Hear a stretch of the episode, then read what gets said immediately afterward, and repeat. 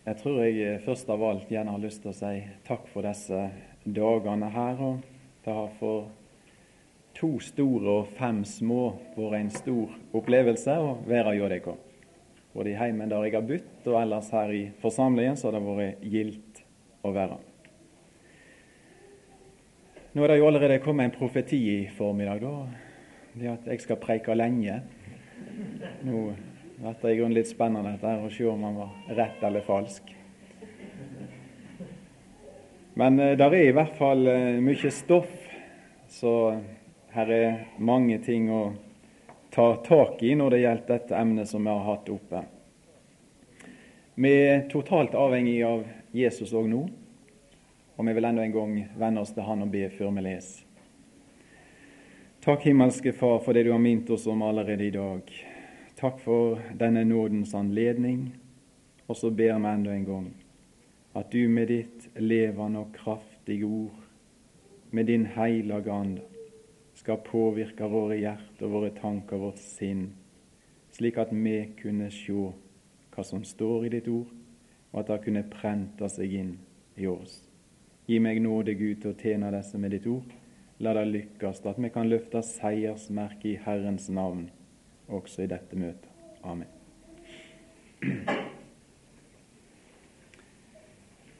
Vi leser òg i dag ifra Ordtøket, eller Salomos ordspråk, kapittel 21. Ifra vers 30. Det finnes ingen visdom og ingen forstand og intet råd imot Herren. Hesten gjøres ferdig for stridens dag, men seieren hører Herren til. Og Det vi har snakket om disse dagene, da, det er spesielt ut ifra Josva og dommerne. Har vi henta fram noen illustrasjoner på siste, den siste setningen her. At seieren hører Herren til. Jeg synes i hvert fall at de to bøkene på en glimrende måte illustrerer akkurat det. At den som avgjør en strid, det er Herren. Og det som er avgjørende for Herrens folk, det er ikke hvor mange det er, og det er ikke hva våpen de har, og hvordan de er øvd i strid og alt det der. Men det som er hovedsaken, det er å være dirigert av Herren. Det viktigste fra vår side, jeg sier det igjen, er å være på Herrens side. Det viktigste fra min side det er å være på Jesus' side når det er snakk om strid, og når det er snakk om seier. Og Nå tenkte jeg i dag at vi skulle ta en ny illustrasjon på det. En veldig sterk illustrasjon på akkurat dette. At seieren hører Herren til, og at Guds folk seirer når de går på Herren sine veier. Og nøkkelen, En av nøklene vi henter ut fra Josef 1, når Gud sier til ham det skal lykkes for dere. Hvis du innretter deg etter instruksjonene fra boka, eller hvis du innretter deg etter instruksjonene fra Herren, så skal det lykkes for deg. Altså, det, det, det, ikke, det betyr ikke noe hvor fiendene er. Det betyr ikke noe hva problemene Du vet at Når det gjaldt Kanan, så var det jo ikke bare overflod. Det var ikke bare melk og honning og druer. Men på samme plassen altså druene var, så var kjempene. Så kjempa imot Guds folk. Og de gav seg ikke frivillig. Men de kjempene er ikke noe problem. Altså Hvis det bare følger instruksjonene, hvis det holder deg på Herrens side, hvis du lyer boka, hvis du går på Herrens sine veier, så skal jeg ta meg av deg, og så skal jeg gi deg seier, sier Herren. Og Jeg tenkte vi skulle lese igjen en kjent sak, men det er så majestetisk, synes jeg, i Josva 6. Og vi tar tid å lese noen vers i lag da. Josva kapittel 6, der det står om Jeriko. Og det er den første byen når de er kommet over Jordan og skal starte erobringen av dette landet. Og Så står det fra vers 1 at Jeriko holdt sine porter stengt og var fast tillukket for Israels barns skyld. Ingen gikk ut, og ingen kom inn. Da sa Herren til Josua, se, jeg har gitt Jeriko Hør igjen hvor suverent. Jeg har gitt Jeriko med kongen og de djerve stridsmenn i din hånd. Det hjelper ikke om det er djerve. Jeg har gitt det i de hånd. La nu alle krigsmennene gå omkring byene, byen rundt om den én gang. Således skal du gjøre i seks dager. Og syv prester skal bære syv larmbasuner foran arken, men den syvende dag skal dere gå syv ganger omkring byen, og prestene skal støte i basunene. Og når de blåser i larmhornet med lange toner, og dere hører basunklangen, skal hele folket sette i et stort skrik. Da skal byens mur falle ned, der hvor den står, så folket kan stige inn over den, enhver rett frem for seg. Da kalte Josva, Nuns sønn, prestene til seg og sa til dem:" Dere skal bære paktens ark, og syv prester skal bære syv larmbasuner foran Herrens ark. Altså Herren informerer Josva, og Josva informerer videre til folket. Men instruksjonene og strategien kommer hele veien ifra Herren. Vers 7 til folket sa han, dra frem og gå omkring byen, og de væpnede menn skal dra frem foran Herrens ark. Da Josva hadde sagt dette til folket, gikk de frem de syv prester som bar de syv larmbasunene for Herrens åsyn. De støtte i basunene, og Herrens paktsark fulgte etter dem. Og de væpnede menn gikk foran prestene som støtte i basunene, og de som endte toget, gikk etter arken, mens der ustanselig støttes i basunene. Og Josva bød folket og sa, dere skal ikke oppløfte herop, og ikke la deres røst høre. Det skal ikke gå et ord ut av deres munn før den dag jeg sier til dere, rop nu. Da skal dere rope. Så gikk Herrens ark omkring byen rundt om den én gang. Deretter drog de inn i leiren og ble der natten over. Så leser vi fra vers 15. Den syvende dag sto de tidlig opp med det samme det tok til å dages, og gikk syv ganger omkring byen. De bar seg at på samme vis som før, bare at de denne dag gikk syv ganger omkring byen. Og så leser vi vers 20. Og der står det slik Så ropte folk, og de støtte i basun, og det skjedde da folket hørte basunklangen, og de satt i et stort skrik. Da falt muren helt sammen, og folket steg bent inn i byen og inntok den. Og Det som jeg veldig ofte spør når jeg leser, hva har jeg lest nå? Og det jeg kan svare på det Jeg har lest om hvordan Guds folk inntok en uinntagelig by. For hvis det var noe by den gang som var vanskelig, for ikke å si umulig å innta, så måtte det være Jeriko. Det var et festningsverk. Og jeg tror nok det at folk som bodde i denne byen, de kjente seg veldig trygge. Og jeg tror at de som tenkte på å angripe byen, de tenkte ikke først på Jeriko. Jeg tror den sto langt bak. Det var den byen som var uinntagelig. Og den karakteriseres med tre ting høye og solide murer. Og for det andre ugjennomtrengelige porter. Og det leste vi i starten her. Ingen kom inn, og ingen gikk ut. Og det tredje er at det var djerve soldater. Det leste vi òg. Altså høye, solide murer, ugjennomtrengelige porter og djerve soldater. Dessuten hadde en konge over seg som også var mektig. Jeriko hadde et rykte som et imponerende festningsverk. Og så sier Gud til folket sitt, vær så god, jeg gir denne byen i dere hånd. Murene og portene og soldatene kunne ikke hindre Gud i å gjennomføre det han hadde tenkt og det han hadde bestemt. Der er ingen råd, der er ingen visdom, der er ingen krefter som kan beseire Gud og hans tanker og hans planer. Og nå er Gud i bevegelse, og det merkes, både for Guds folk og fienden. Og Det som synes å skje nå i, i, i Jeriko, det er jo det at det synes å skje en forandring når Guds folk nærmer seg. Og de som før hadde kjent seg så trygge og sikre bak disse svære murene og disse portene, og disse som sikkert setter sin lit til det djerve stridsmenn, de var begynt å bli redd. Gud virker slik at de mister motet. Vi skal bare lese et par ord om det òg, i kapittel 2.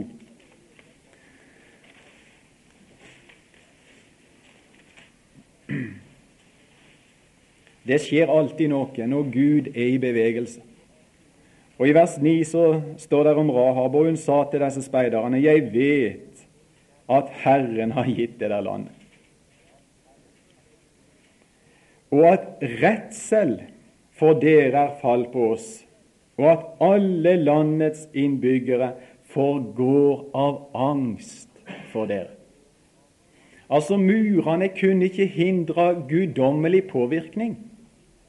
Og ryktet om Gud og hva Gud hadde gjort, kunne ikke portene stenge ute. Og så er det begynt å skje noe før enn folket er kommet nær. Og det er at folket er påvirka av det Gud har gjort. Og I vers 34, eller 24 i kapittel 2 står det at de sa til Josva Herren har gitt hele landet i vår hånd. Alle landets innbyggere holder endog på å forgå av angst for oss. Se hvordan Gud på en suveren måte forandrer folket og folkelivet og tankelivet og alt i denne byen. Stemningen er forandra i denne byen fordi at Gud har virka.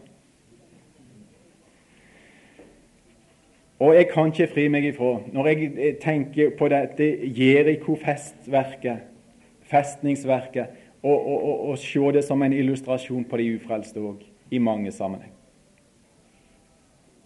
Visst er de forskjellige, ja, det er de.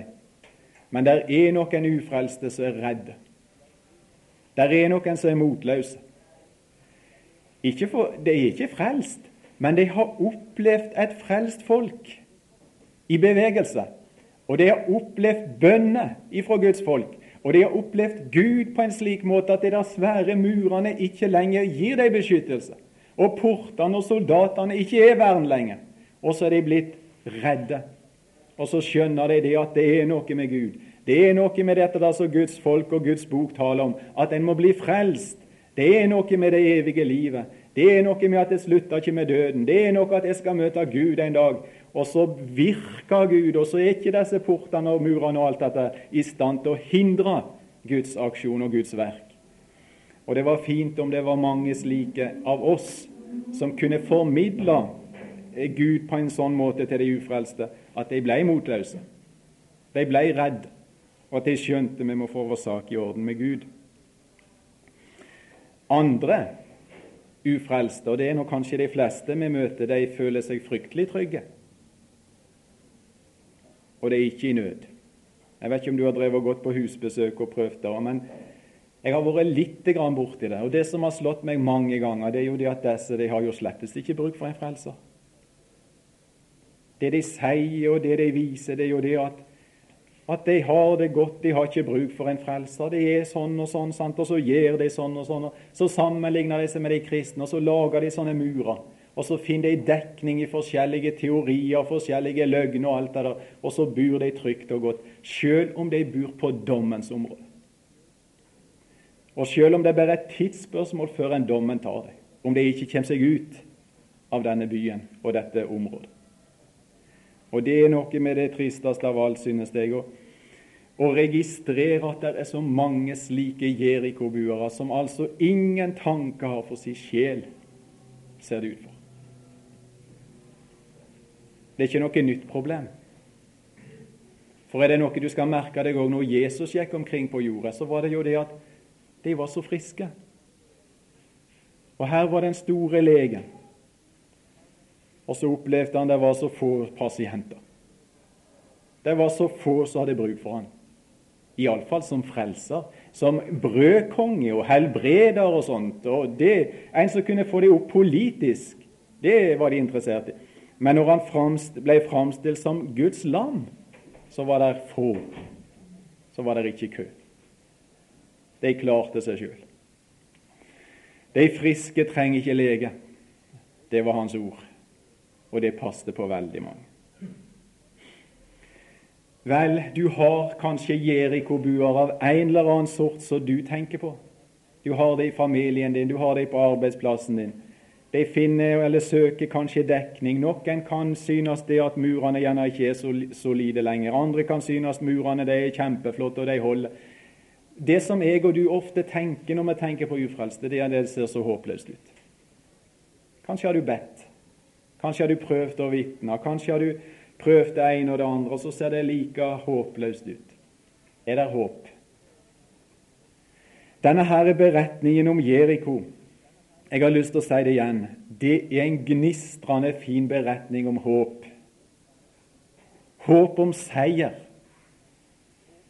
Håp om det altså at det går an å innta det som menneskelig talt synes uinntagelig. Og Nå skal vi se litt på strategien når Gud bestemte hvordan denne byen skulle inntas.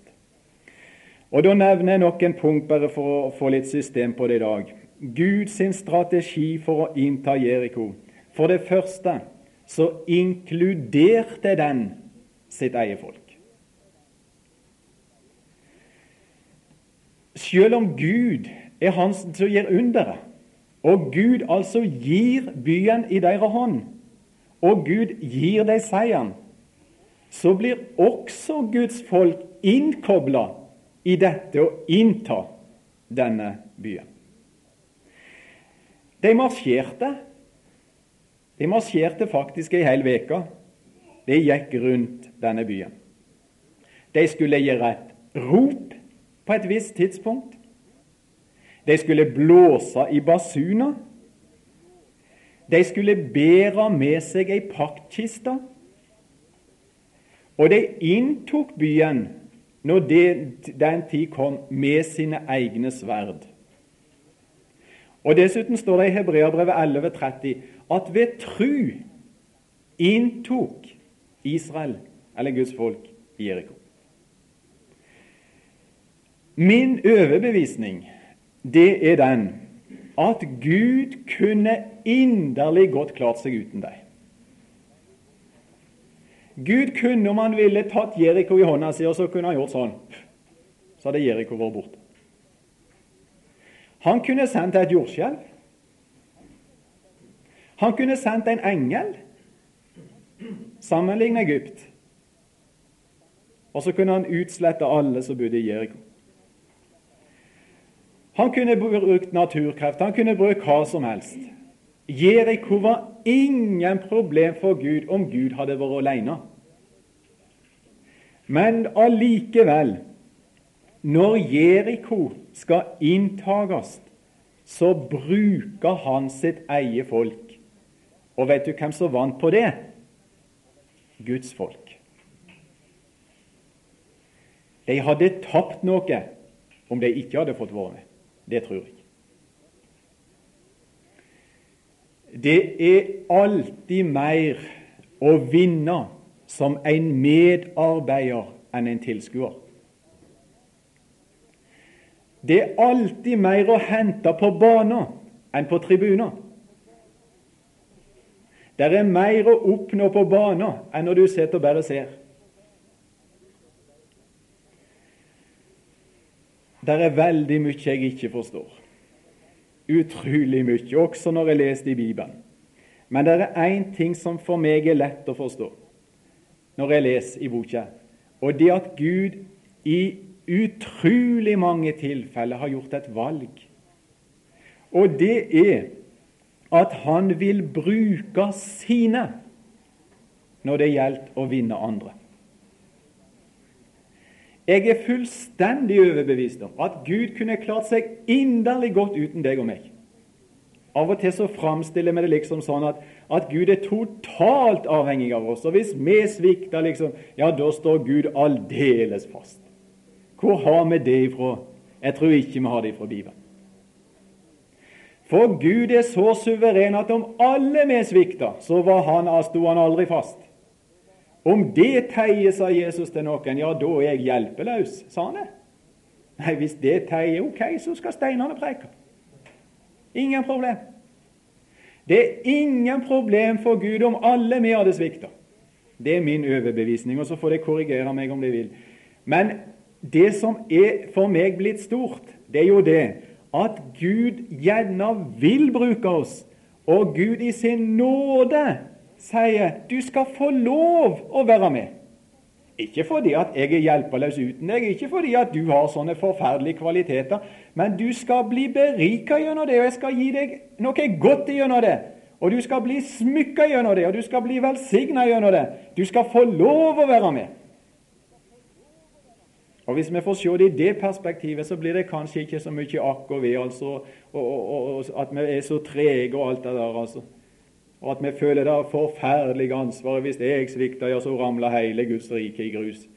Men hvis vi får se det i det perspektivet, det er nåde å få lov å være med, så kunne det godt hende det banker litt mer her inne i takknemlighet for at vi skal få lov å være med. Og Jeg tror nok det at disse israelittene som fikk lov å være med og gå rundt Jeriko, de, de etterpå var takknemlige for de opplevelsene og de lærdommer som de hadde fått, og de rikdommer de hadde fått igjennom det. Altså punkt 1. Gud inkluderte sitt folk. Og det er alltid et tap å være utenfor Guds vilje. Det andre vi må si her om inntagelsen av Jeriko, det er jo det at Guds strategi er guddommelig original. Guddommelig original. Og du skal ikke finne et eneste eksempel, verken i bibelhistoria eller i verdenshistoria, som ligner på det som vi leser om når Jeriko ble inntatt. Du kan lese om mange byer, mange folkeslag som altså har blitt beseiret opp gjennom tidene. Men du skal ikke finne et eneste eksempel der det skjedde på denne måten, som vi leser om i Josva 6. Og det var ikke Josva som kom på at nå skal vi, nå skal vi gjøre det på den måten. Og det var ikke de andre israelittene som satte ned en komité og så liksom fant ut det. Nå skal vi gå altså en gang rundt Jeriko i dag og en gang i morgen, så skal vi holde på seks dager. og sånn. Men sjuende dagen så tar vi sju runder. Og så ber vi med oss paktkiste, og så blåser vi noe bare. Det var ikke noe som oppkom i et menneske sin, sin hjerne. Det var ikke mennesket som la strategien, for da hadde det blitt helt noe annet. Men det er Gud. Og det er så originalt så det bare går an å få det. Og det var et underlig opptog. Jeg har av og til tenkt sånn altså at, at det kunne vært greit å ha et video da. Og jeg skulle likt å sett hva som skjer, både med de som går rundt denne byen og disse murene, og så skulle jeg godt likt å fokusert litt opp på ansiktene på de som sto på murene. Jeg tror det hadde blitt mange rare ansiktsuttrykk etter hvert, når de liksom betrakter dette gudsfolket som holder på slik. Først går de væpna mennene, som vi leste om. Så kommer det sju prester som blåser i sju stridsbasuner, eller larmbasuner. For de som blåste, tror jeg det måtte være seierstoner. De veit de skal vinne. De veit seieren er nær, og de kan blåse. Men for de som hører, er det vel helst domstoner?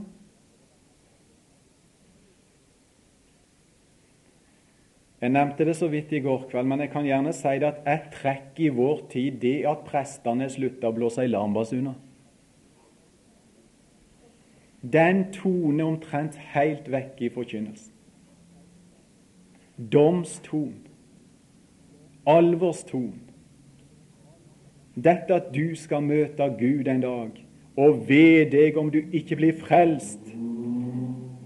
Ved deg om du ikke blir rensa i Jesu blod. Du skal stå for den hellige Gud, og du kommer til å stå der i all din skam, i all din synd, i all din heslighet, om ikke Jesus får frelst deg. Jeg har sagt det av og til i dag er det mest munnspill og blokkfløyter det går på.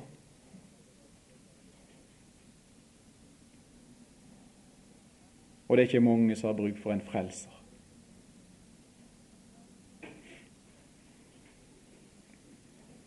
De blåste, og de blåste i hele veka, ser det ut for. Så kom paktkista, og det er hovedvåpenet i denne striden, i dette angrepet. Og bak den igjen så kommer resten av folket. Og så ble det altså 13 turer rundt denne byen. De hadde god tid. Det har jeg forundra meg ofte ved Josva Bokjørg. Hvor god tid Gud hadde når de skulle innta landet. Bare sammenlign med en gang de kommer over Jordan og opplevd det mirakelet som de der opplevde, så tenker jeg iallfall at da sier Gud nå må de sette i gang med en eneste gang her, og så må de innta Jeriko. Nå er det liksom oppildna her over det underet som har skjedd ved Jordan. Nå har dere sett hva Gud har gjort, så nå må dere sette i gang mens stemningen er god her og trua er sterk. Nå må dere angripe med en eneste. Nei, slapp av, sier Gud. Nå skal dere kjempe her. Og før en at det nå skal ta sverd og rette imot fiendene, så skal de finne fram noen kniver, så skal de rette dem mot dere sjøl. Det er Gilgal steinkniver, så skal de ta deres eget kjøtt. Og så skulle de omskjære alle som ikke var omskårne før. Og så ble de sjuke, og så ble de lagt hjelpeløse framfor øynene på sine fiender. Alle soldatene, alle stridsmennene i Israel blir lagt hjelpeløse ned for øynene på sine fiender. Det er starten. Og der må vi begynne òg. Før enn vi bruker sverdet mot andre, må vi bruke kniven mot oss sjøl og vårt eget kjøtt. Og før en altså går frimodig i striden, så ligger vi hjelpeløse for Herren. Overlatt til Hans beskyttelse og Hans omsorg. Og erkjenner det at du må være vår vakter. Du som gir oss seier, du må òg være den som vakter. 13 ganger, ei hel uke rundt den byen. De kunne selvfølgelig gjort det på en time. Men altså, Gud har bestemt det sånn at nå skal vi bruke ei uke på det. da. Og Det kunne kanskje være litt trøst for de som har noen sånne Jeriko-buere, så de har brukt uendelig lang tid på. Men like sikker som Israel var i gang med å gå, like sikker var seieren sikker. Det var bare tidspunktet det var spørsmål om. Og Det sier jeg til deg som kanskje kjemper med et bønnebarn eller en eller annen slik. Bare fortsett å gå, så er seieren der en dag. Vel, er ikke det originalt? Er ikke strategien original? Og dette er typisk for Gud. Ja, det har jeg lyst til å si. Det er så originalt. Og Nå kunne vi plukke ut i Det gamle og Det nye testamentet mange ting som viser det at Gud sine tanker og Gud sine planer og Gud sine veier det er ofte stikk i strid med det mennesket tenker. Men nå skal jeg bare ta ett eksempel, for det syns jeg er litt viktig i vår tid. Første Korinterbrev 1.21.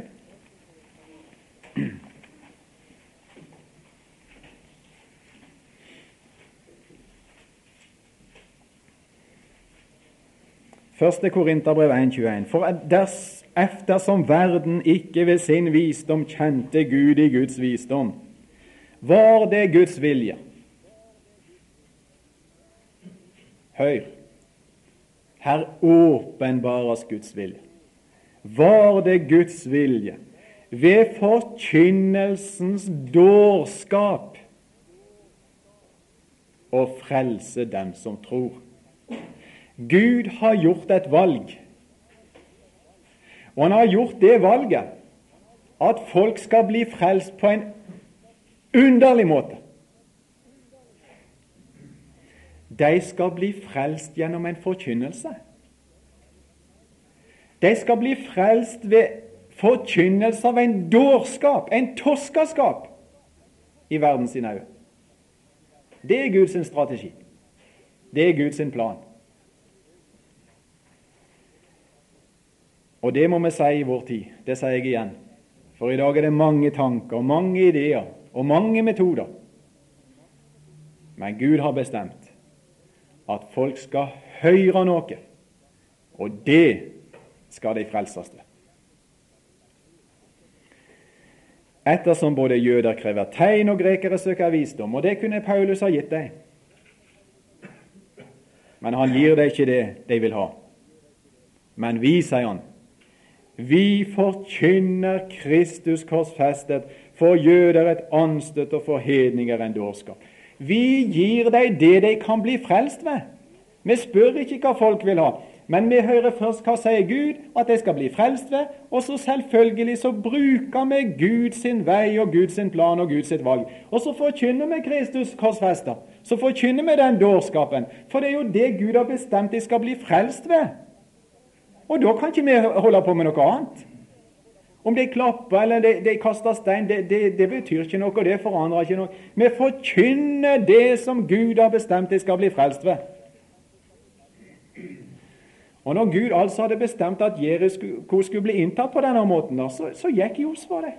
Og hvor stor sannsynlighet det var for at murene ville falle hvis vi går 13 ganger rundt dem og, og blåser i basuner og roper. De stiller ikke et spørsmål, men de går. De følger instruksjonene ifra den himmelske generalen. Vet du hva vi kunne si ut fra 1. Korinterbrev 1,21 hvis vi slår det sammen med Josva 6? Land blir inntatt der evangeliet blir mottatt. Altså der de tar imot forkynnelsen av denne toskaskapen. At en dør for deg og som deg på forbannelsens tre. Der blir land inntatt. Der blir nye lagt til Guds menighet. Land inntatt der evangeliet ble mottatt. Det tredje punktet vi tar i dag Guds strategi krevde både lydighet og tålmodighet. Og Det første har jeg for så vidt vært med på, øh, nevnt allerede. Det var ikke spørsmål om de forsto. Gud stilte ikke et eneste spørsmål til noen. Hva, hva tror du om dette her? Hva mener de om dette her? Altså 13 ganger og litt blåsing i basunen og sånt. Hva, hva mener de om det? Skal vi prøve det? Nei, Gud sier bare 'slik skal de gjøre det'. Og det som det var spørsmål om, var ikke noe annet enn lydighet. Lydighet, det er nøkkelen. Ved tro falt Jerikos murer. Det kunne like godt stå 'ved lydighet'. For trua, den, den, den utviser seg alltid i lydighet. Lydighet, det er alltid vinning og det er velbehagelig for Herren. Og det ser ut for meg at han alltid belønner lydighet. Vi har i det siste blitt minnet på et vers i, i 1. Samuels bok 15. Og jeg, jeg tror vi leser det her i dag òg, vers 22. 1. Samuels bok 15, 22. Da sa Samuel, har vel Herren like så meget behag i brennoffer og slaktoffer? Og Det var ikke spøk når jeg skulle bringe brennoffer og slaktoffer. Det var masse arbeid. Og det kosta det en del. Så måtte de hente dyr, og så måtte de hente kniven, og så måtte de arbeide, og så måtte de frambringe dette. Og det, det var ikke lite det kunne koste, egentlig. Men så sier Samuel det at det er noe Herren setter mye mer pris på enn disse ofringene det bringer. Dette er det utfører. Dette er det jeg gjør her lydighet imot Herrens ord. Nei, står det, lydighet er bedre enn slaktoffer. Og så står det et lite ord du skal merke deg det. Hørsomhet. Altså det å ha et slikt øre, at du virkelig er interessert i å høre. Ikke det alle røstene sier, og alle disse som roper i vår tid, men det å ha et øre som er vendt den veien. Det å være interessert i hva han har å si, og det å være interessert i å følge Han og Hans instruksjoner.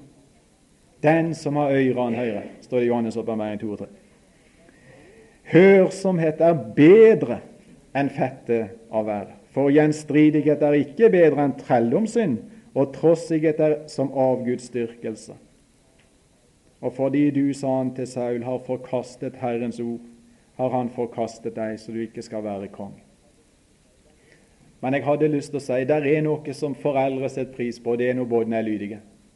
Det er behagelig for foreldre. Og det er det samme når det gjelder vår himmelske Far.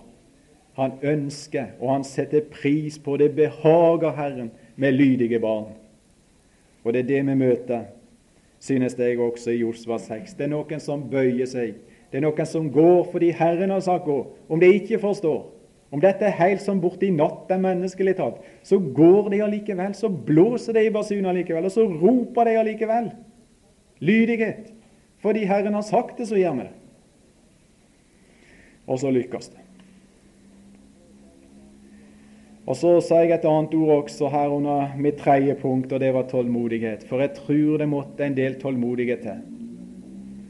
Jeg vet ikke hvor du hadde klart deg i det der opptoget, da, men jeg, jeg, kan godt tenke meg at jeg kanskje hadde fått problem. Det spørs om jeg ikke var informert på forhånd, da. Og så spørs det hva gudsforhold jeg hadde. Men eh, det er nok i kjødet vårt altså som er fryktelig lite tålmodig når det gjelder det som Gud vil. Og Det kunne vel være fristende kanskje for noen i det der, selv om jeg har sagt før at israelsfolket på dette tidspunktet synes å være helt på topp på mange områder, så kunne det vel kanskje være en eller annen som begynte å tenke etter fem dager rundt denne byen. Har det noe for seg? Er det noe vits i dette her vi driver på med? Jeg tror vi begynner med noe nytt. Vi kan iallfall gå andre veien. Eller kanskje vi kan gjøre noe annet.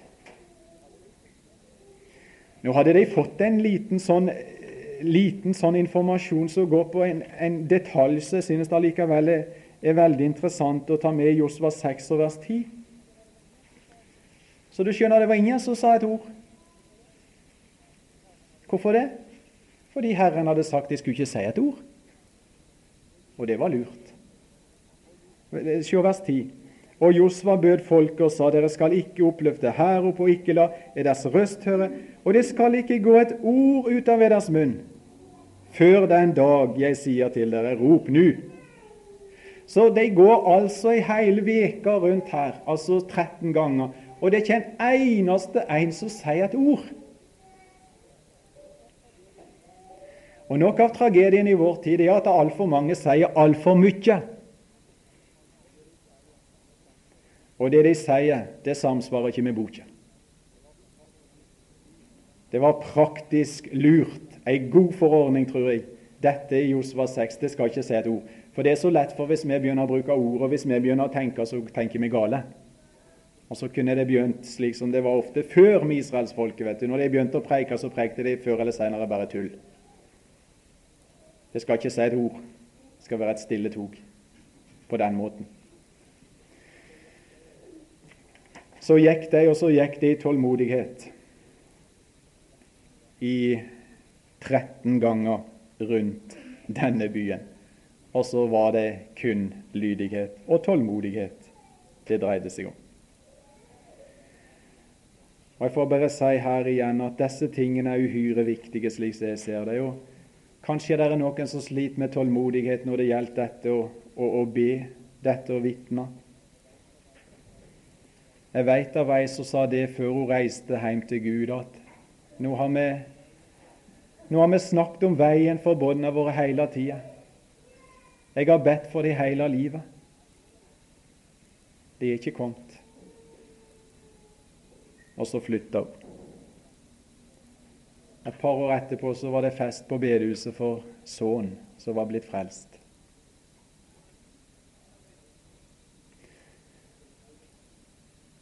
Det som er viktig, det er å fortsette å gå. Om det røyner på tålmodigheten, så sier vi til hverandre Herren har ikke bedt oss å stanse. Herren har ikke sagt at nå må de altså ta vare på disse tingene vi snakket om i går kveld, Bibel og bønn og brødsbrytelse og samfunnet, så lenge så det synes dette har noe for seg. Men hvis det minker på folk, og sånne ting, så får de heller finne på noe annet. Han har ikke sagt det. Men han har sagt det skal fortsette å gå.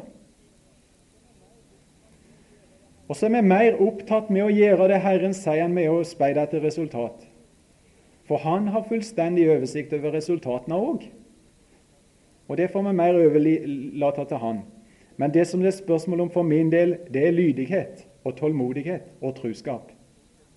Så vil jeg prøve så godt jeg kan å stelle med de tingene. Og så kan det godt hende i evigheten, folk, at vi skal få mange overraskelser. At det ble noe av de der turene rundt Jeriko som vi ikke skjønte da, men som vi en dag skal forstå. For jeg har lyst til å si det så sterkt det kan ikke bli nederlag. Det kan umulig bli tap om du går i lydighet imot Herren. Det er ikke sikkert det blir de seirene du har tenkt, men jeg sier igjen det blir seier på en eller annen måte. For det er Guds løfte. Og det er det siste vi skal ta. Nå ble du en sann profet i dag. Det ser jeg på klokka. Men nå skal vi ta det siste jeg har lyst til å si i dag. Guds sin strategi gav seier. Ja, sjølsagt. Det kunne ikke gå annerledes. Det var helt umulig at det kunne gå annerledes. Det kom det øyeblikket da de satt i et rop, og så trykte Gud de murene ned. Jeg vet ikke hvor han gjorde det, men det var ikke noe problem, og det, det spiller ikke noen rolle hvor han gjorde det heller. Han kunne sikkert gjøre det på tusen måter òg. Men murene ble ikke hindring. Og så kunne Guds folk gå inn og erobre den byen. Det ble seier. Det ble en seier som gav Gud ære. Og det er det typiske, eller en av de typiske tingene med Guds strategi, og når vi følger den, det er det at Herrens navn blir stort. Det ble ikke noe statue av Josva utenfor Jeriko sine murer. Det ble ikke skrevet noen sånne heltehistorier fra erobringen av Jeriko, der menneskenavn sto i sentrum. Men det var Herren som ble stor, og Herrens navn som ble opphøya etter den seieren i Jeriko. Og det sier han, det er det typiske det er ikke mennesket som blir svære når de følger instruksjonene fra Herren, men det er Herren og Hans navn. Høvdingen over Herrens hær fulgte dem, og han gav dem seier. Så slutter jeg med Salme 20, vers 6, der salmisten uttrykker det slik Måtte vi kunne juble over din frelse og løfte seiersmerket i vår Guds navn. Og så sto det slik, og står det slik Herren oppfyller alle dine bønner. Bare fortsett å gå. Bare fortsett å be. Bare fortsett å vitne om Jesus. Bare fortsett å leve ut kristenlivet ditt og så skal vi få lov å ha forventning, at vi skal få lov å løfte seiersmerket ei sjel i Guds navn. De ble beseira. De ble ført til Jesus, og de ble frelst. Og ordspråket 21-22. Den vise Og det husker du igjen fra Josva 1, 7 og 8. Det var snakk om å gå fram i visdom. Det sa Gud til Josva. Hvis du følger instruksjonene, hvis du følger ordet mitt, skal du gå fram i visdom. Og Her står det 'den vise inntar de veldiges by' og river ned det vern som den satte sin lit til. Den vise inntar de veldiges by. Far i himmelen, vi har lyst til å takke deg for lærdommene i din bok.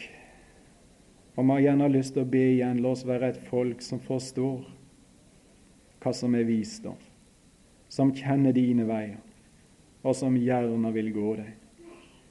Vi har lyst til å be om å få nåde til å være et slik folk som kan berge syndere og erobre det folk som er i hedenskap og mørke, og synd og lenke og Satans makt.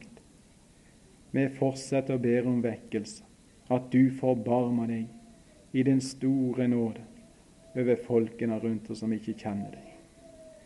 Du får på en eller annen måte minne deg om de evige tingene, at de trenger en frelser framfor alt i denne verden. Og så må du åpenbære deg for deg, Jesus, på en slik måte at de kommer til deg, og at de slutter seg til deg. Vi har lyst i fellesskap å takke for alle her som har fått den nåden og kan kalle seg Guds barn i dag. Det er en ufattelig stor ting. Og vi har lyst til å være med og prise deg og takke deg, for vi er det salige folk som kjenner Herren. Og så må du lære oss videre. Og så ber vi videre om at du er tålmodig med oss på veien, og at du lærer oss, at du former oss, at du danner oss, så vi kan bli mer og mer nyttige for deg. La din velsignelse være din forsamling her. Amen.